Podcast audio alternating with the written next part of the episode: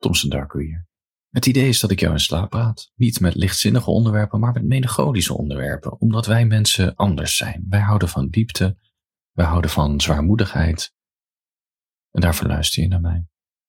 Daarvoor praat ik tegen jou. Fuck de rest met hun lichtheid. Diepte it is. We zijn niet oppervlakkig, we geven ons niet over aan oppervlakkigheid. Dankjewel voor luisteren. Voor je gaat slapen.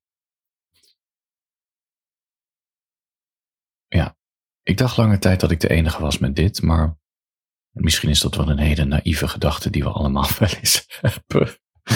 Ja. Maar ik ben dus niet alleen. Laat ik het stellen hoe het gaat.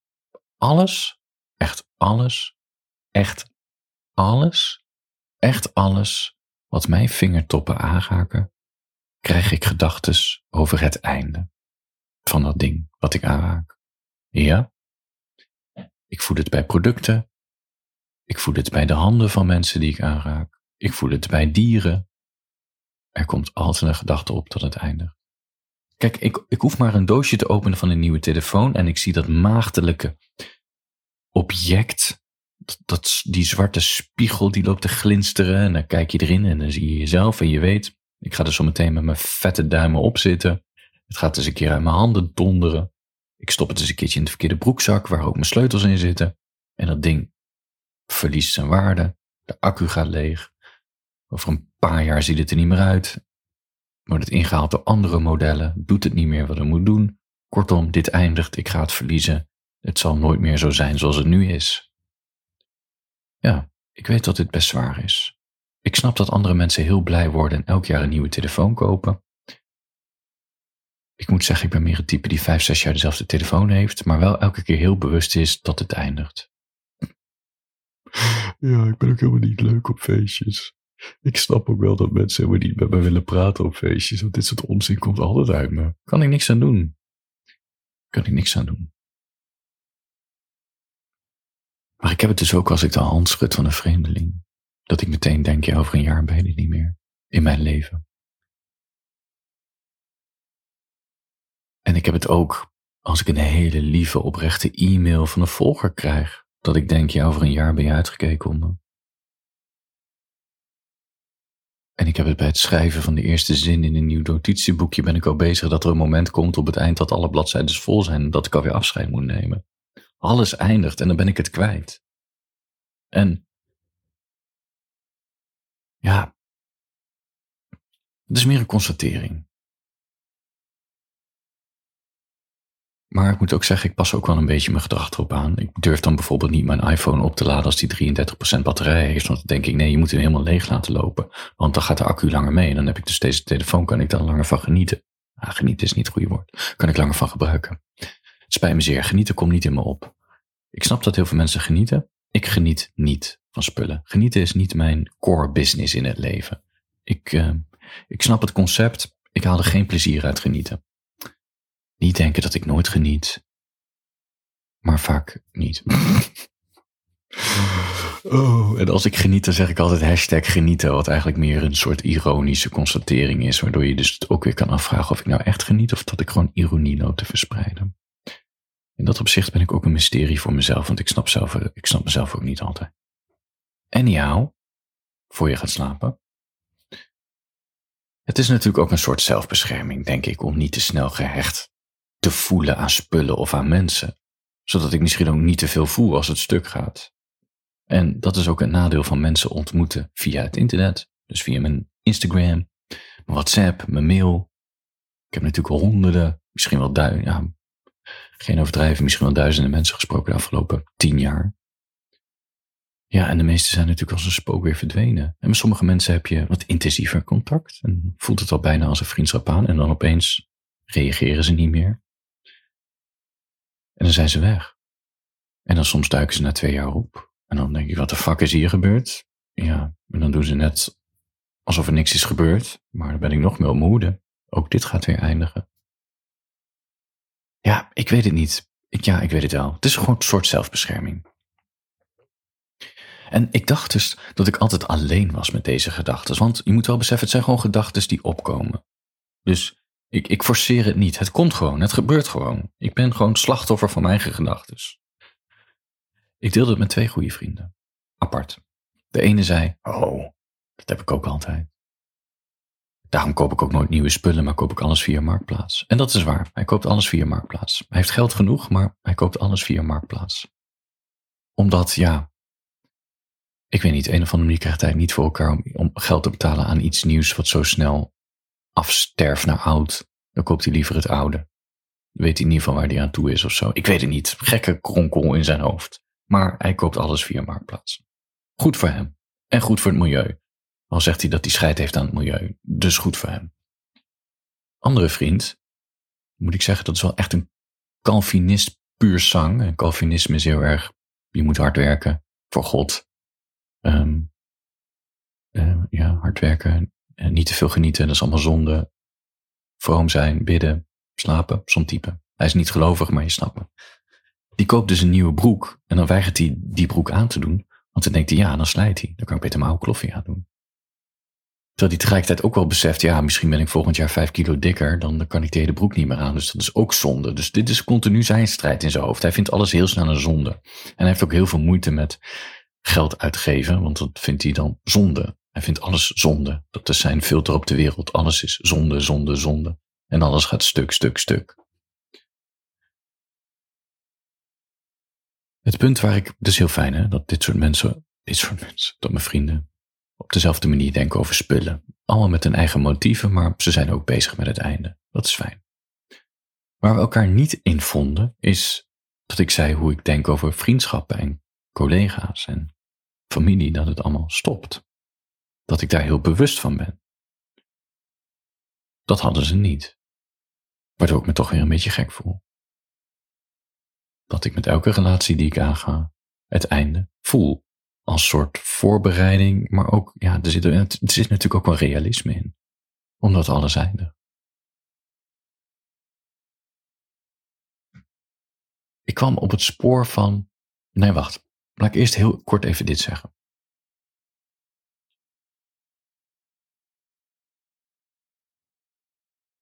Er zit ik, ik, ik, ik hecht er niet zo heel veel zwaarte. Ik hecht er niet zo heel veel waarde aan, die gedachten over het einde. Het komt op, het gaat weer weg. Ik pak die, die nieuwe telefoon op. Ik, ik, ik vinger het helemaal suf met mijn duim. Ik tuf erop. Ik gooi het op mijn bed en dan stuit die zo via het matras er weer af. En dan denk ik, wat ben ik nou aan het doen? Dus is dat, snap je? Het is niet dat ik uh, met, met fluwelen handschoenen alles uh, benader in het leven. Ik ben wel een paar keer depressief geweest één keer officieel geconstateerd en ik vermoed dat ik het vaker in mijn leven heb gehad, omdat het heel erg opleek toen het werd geconstateerd. En dan is het niet zo leuk dat je hoofd altijd nadenkt over het einde. Depressie en somberheid, twee verschillende werelden. Echt, er zit een brug tussen, maar er zit een hele grote kloof tussen. Somberheid kan lekker zijn, niet per se lekker. Depressie, ja, als je het hebt gehad, je weet precies waar ik het over heb.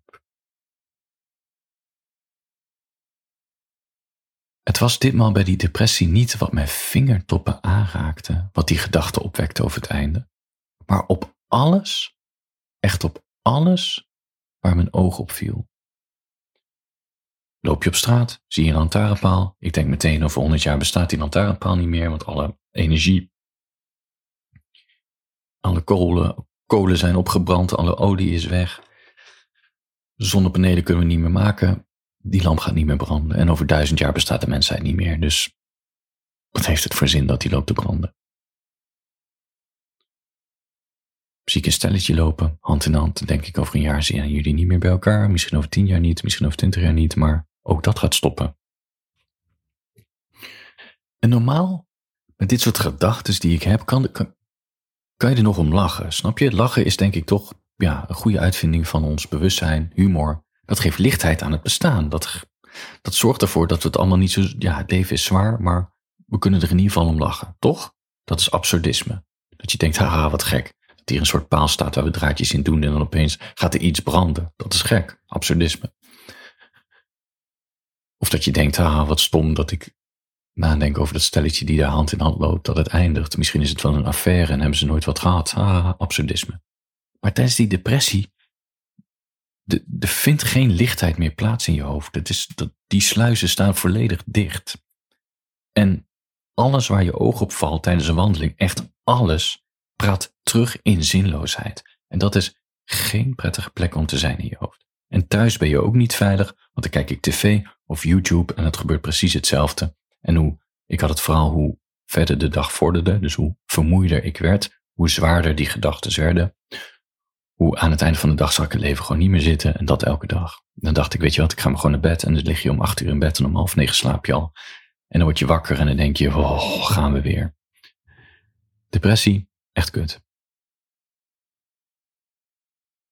Want je krijgt de neiging om geen moeite meer te doen. Waarom zou je je bed nog uitkomen als alles in zinloosheid terugpraat? Waarom zou je überhaupt nog moeite doen? Wat heeft het überhaupt voor zin? En dat, dat is een heftige plek. Het is gewoon heftig. Maar wees gerust, ik heb geen last van een depressie. Er, kan, er zit nog heel veel lichtheid en ik kan ook best wel lachen om mijn eigen treurigheid dat ik altijd bezig ben met het einde. En ik vind het ook heel fijn om het af en toe uit te spreken tegen mensen waar je je veilig bij voelt. En dat je er samen om kan lachen. Of dat de ander zegt, maar dat heb ik ook. Lekkerst gevoel van de wereld. Ik ben niet alleen. Uiteraard niet. Ik ben een schrijfster op het spoor gekomen, die is in 2021 overleden. Ik, weet niet, iets ergens, ze is ergens iets, iets in de 80 jaar geworden. John Didion, Amerikaanse schrijfster. Um, ze heeft een aantal werken in haar leven gemaakt, ze heeft, waar heel vaak nog naar gerefereerd wordt. Echt, misschien ga je nu ook opvallen, John Didion. Van quotes tot aan boeken. Haar bekendste boek is denk ik, die komt uit 2005, of in ieder die het verst in ons geheugen. Vers, vers, verst. Een raar woord eigenlijk. Verst. Het frist. Nee, dat kan ook niet. Het verst in ons geheugen ligt. Die komt uit 2005. Dat is het boek Het Jaar van Magisch Denken. Dat is echt, ik, ik heb hem nog niet uit, ik ben op de helft. Maar een hele mooie boek over rouw. Het is een memoir over het jaar dat zij, dat haar dochter in coma komt te liggen. Ik ga toch even stilstaan bij dit boek. Haar dochter ligt in coma. Het is allemaal echt gebeurd. Ze gaat met haar man daar naartoe bezoekt de dochter. Ze gaan met z'n tweeën naar huis in New York. Zij gaat in de keuken aan de slag. Hij gaat zitten aan tafel. Ze hebben het geloof ik over whisky en, en andere futiliteiten van het leven. Opeens hoort ze een, een soort knal. Ze loopt de keuken uit. Die eet kamer in en haar man ligt op de grond. Dood. Hartstilstand. Ze belt uiteraard het ziekenhuis, kan ze allemaal niet herinneren. Dat is allemaal later zitten reconstrueren. Dat doet ze ook in het, doet ze ook in boek. Uh, die mensen zijn drie kwartier binnen geweest. Dat kan ze zien omdat ze de, beneden de portier, die, die schrijft alles, uh, die schrijft de namen op die binnenkomen. Nou ja, man is nog naar het ziekenhuis vervoerd en in het ziekenhuis is hij officieel doodverklaard. En, maar waarschijnlijk was hij al meteen dood toen hij daar neerviel. Die dochter zit nog in coma. Wat doe je ermee als die dochter wakker wordt? Want coma is al heftig. Dus je kan niet meteen zeggen van hé, hey, dit is er aan de. Dus ze dachten oké, die dochter is al getrouwd, dus een vrouw in de, in de twintig. Dus ze besluiten, die man moet bij haar zijn waar ze mee getrouwd is. Dat is het eerste gezicht wat ze moet zien. Ze moet niet de moeder zien, want dan gaat ze ook niet denken, waar is mijn vader?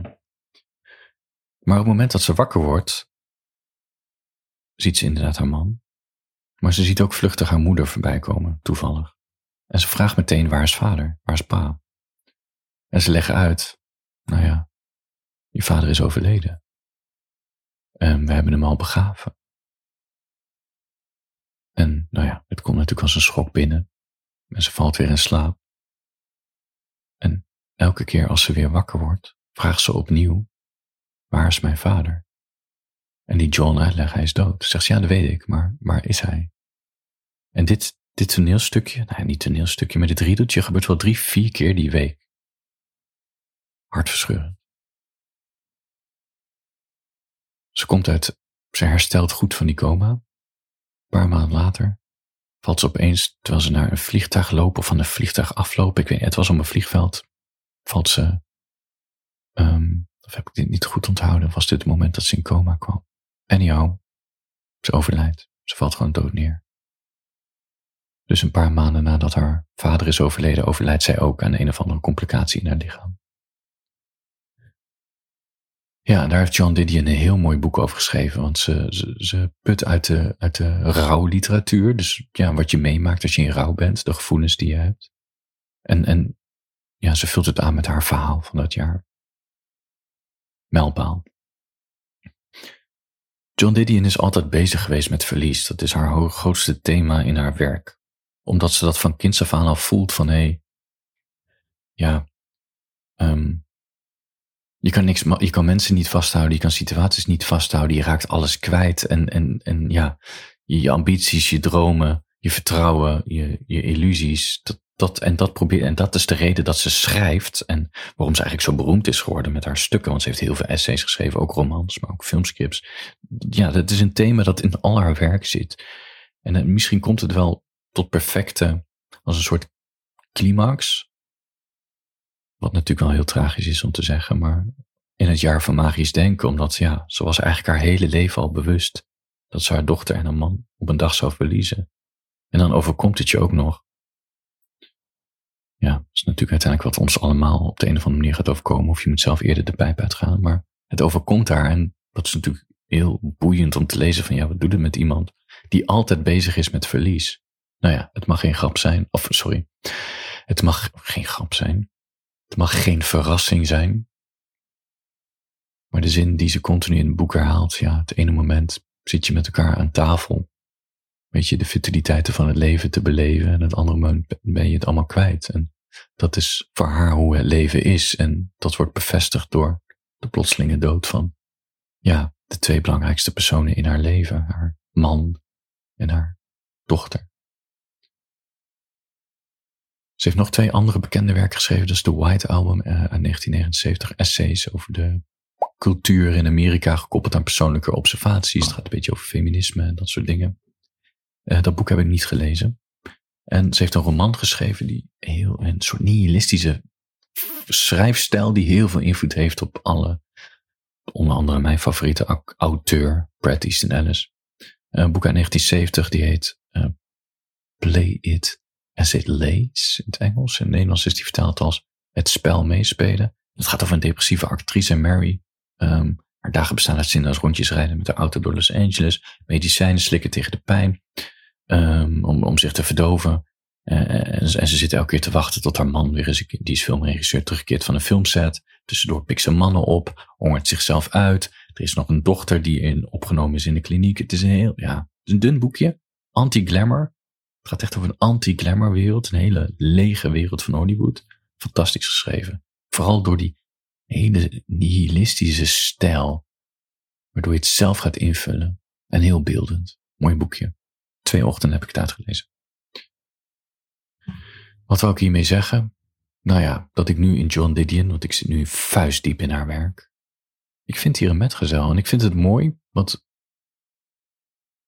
Kijk, soms als ik wel eens zeg dat ik heel veel over melancholie schrijf, dan zeggen sommige mensen wel eens: Waarom zou je dat willen? Waarom ben je daar mee bezig? Ja, het is niet alsof ik een keuze heb. Het is omdat ik zo ben en dan kan ik er beter invulling aan geven. Dus, en dat doe ik door kunst van te maken. En dat is wat John Didion ook deed en dat, daarom raakt ze me.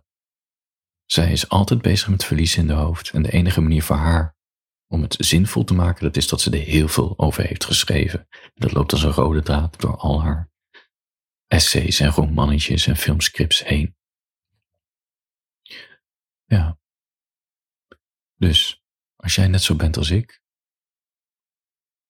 laat het me weten. App me of mail me.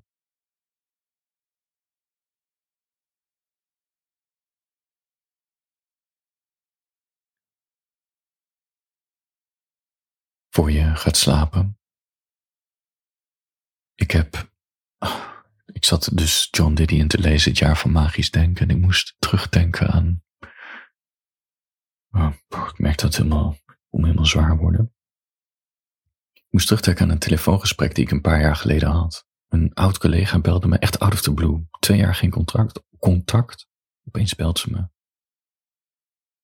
En al vrij snel bleek ja, dat de man van haar beste vriendin was overleden. En ja, nou ja, dat sloeg in als een bom en ze had er nog steeds heel veel last van, wat ik allemaal snap. En ik weet niet waar het fout ging in mijn hoofd, maar ja, ik ging dingen zeggen. Oei, oei, oei. Ja, laat ik het zo zeggen, zo hoor je niet te reageren op iemand.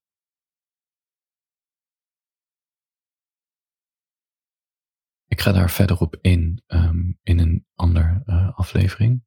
Voor de mensen die me steunen via petjeaf.com slash Darko.